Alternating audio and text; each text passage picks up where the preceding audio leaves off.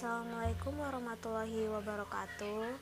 Perkenalkan nama saya Dira Septiani dari kelas LPI 1A Pagi, nomor induk mahasiswa 41310107. Di sini saya akan membahas podcast saya tentang ketahanan nasional dengan judul isu cybercrime meningkat tajam di masa pandemi.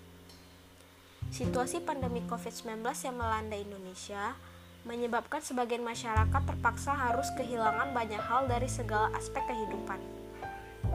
Salah satunya adalah pekerjaan. Hal ini menjadi salah satu faktor adanya peningkatan angka kriminalitas. Semenjak awal pandemi sampai saat ini, diketahui bahwa terdapat berbagai modus kejahatan yang kerap terjadi di lingkungan masyarakat. Faktanya, bukan hanya kegiatan secara fisik saja yang terjadi, bahkan cybercrime juga menjadi salah satu jenis kejahatan yang mengalami peningkatan cukup tinggi. Modusnya juga kian beragam, seperti oknum yang meminta sumbangan dengan mengatasnamakan korban pandemi, pencurian data, dan pembobolan rekening. Hal ini merupakan hal yang harus diwaspadai secara bersama mengingat tindak kejahatan ini tidak memandang bulu. Cybercrime adalah segala aktivitas ilegal yang digunakan oleh pelaku kejahatan dengan menggunakan teknologi sistem informasi jaringan komputer yang secara langsung menyerang teknologi sistem informasi dari korban. Namun secara lebih luas, kejahatan cyber bisa juga diartikan sebagai segala tindak uh, ilegal yang didukung dengan teknologi komputer. Target pelaku adalah device atau hardware atau software atau juga data personal dari korban. Sifat dari cybercrime ini adalah baik pelaku maupun korbannya sama-sama invisible atau tidak terlihat. Hal ini yang membuat jenis cybercrime ini punya kompleksitas sendiri.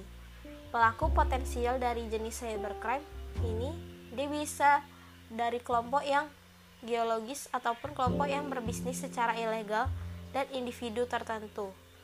Keuntungan pelaku di aktivitas cybercrime adalah yang pertama memungkinkan anonimitas, jadi pelaku dengan lebih mudah menyembunyikan identitas mereka. Kedua, adalah ketika pelaku melaksanakan kejahatan di ruang cyber.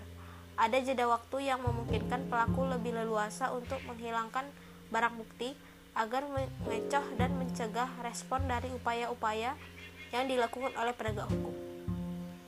Pengguna internet baik di dunia maupun di Indonesia setiap tahunnya semakin meningkat. Tentunya ada sisi positif dari jaringan internet yang tinggi. Namun dari sisi negatifnya, tentunya internet atau teknologi informasi ini menjadi tools baru yang digunakan oleh pelaku kejahatan untuk merugikan orang lain itu saja kritik saya mengenai judul uh, tentang cybercrime ini. Uh, terima kasih.